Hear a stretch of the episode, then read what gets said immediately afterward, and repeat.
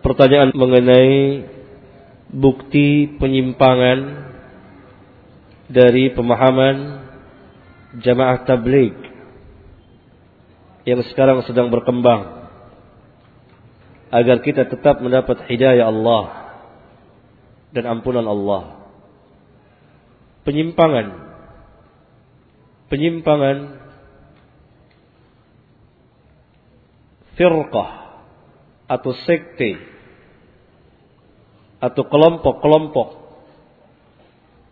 golongan-golongan yang ada dalam Islam yang sangat mendasar sekali adalah penyimpangan tentang manhaj cara atau sikap beragama yang tidak benar bertentangan dengan cara beragamanya Abu Bakar, Umar, Uthman dan Ali dan seluruh para sahabat ridwanullah alaihim jami'an. Kemudian dari situ bercabang akidah jama'atut tabligh dibina atas dasar akidah maturidiyah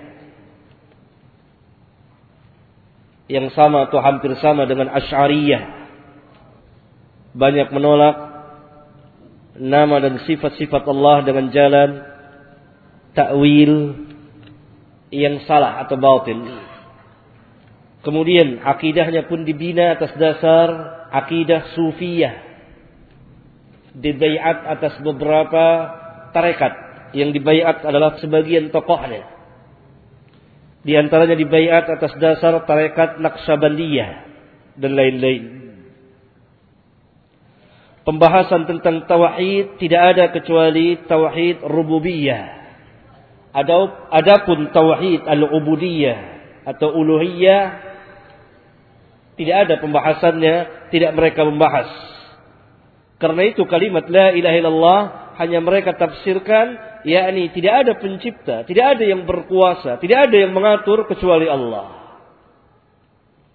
Jadi terbatas pada tauhid ar-rububiyah tauhid tentang penciptaan.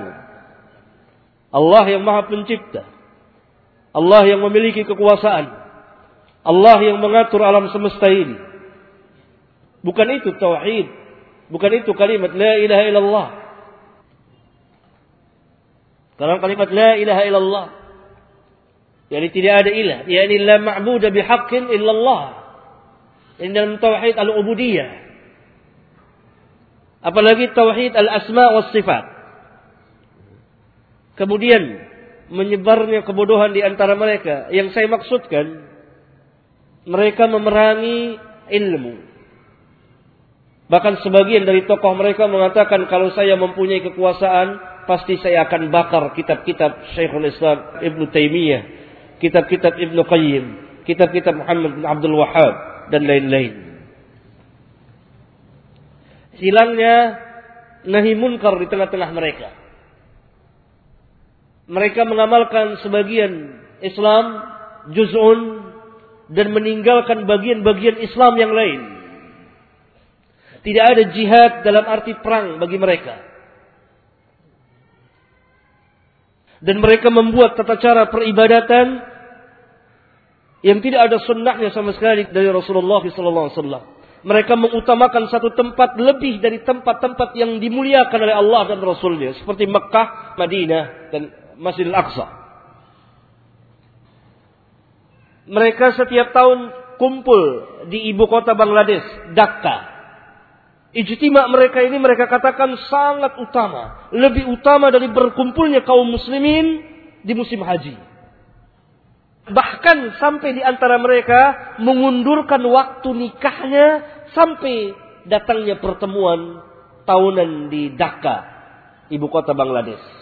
Karena nikah pada saat itu barokah dan ada kutamu dan seterusnya dan seterusnya.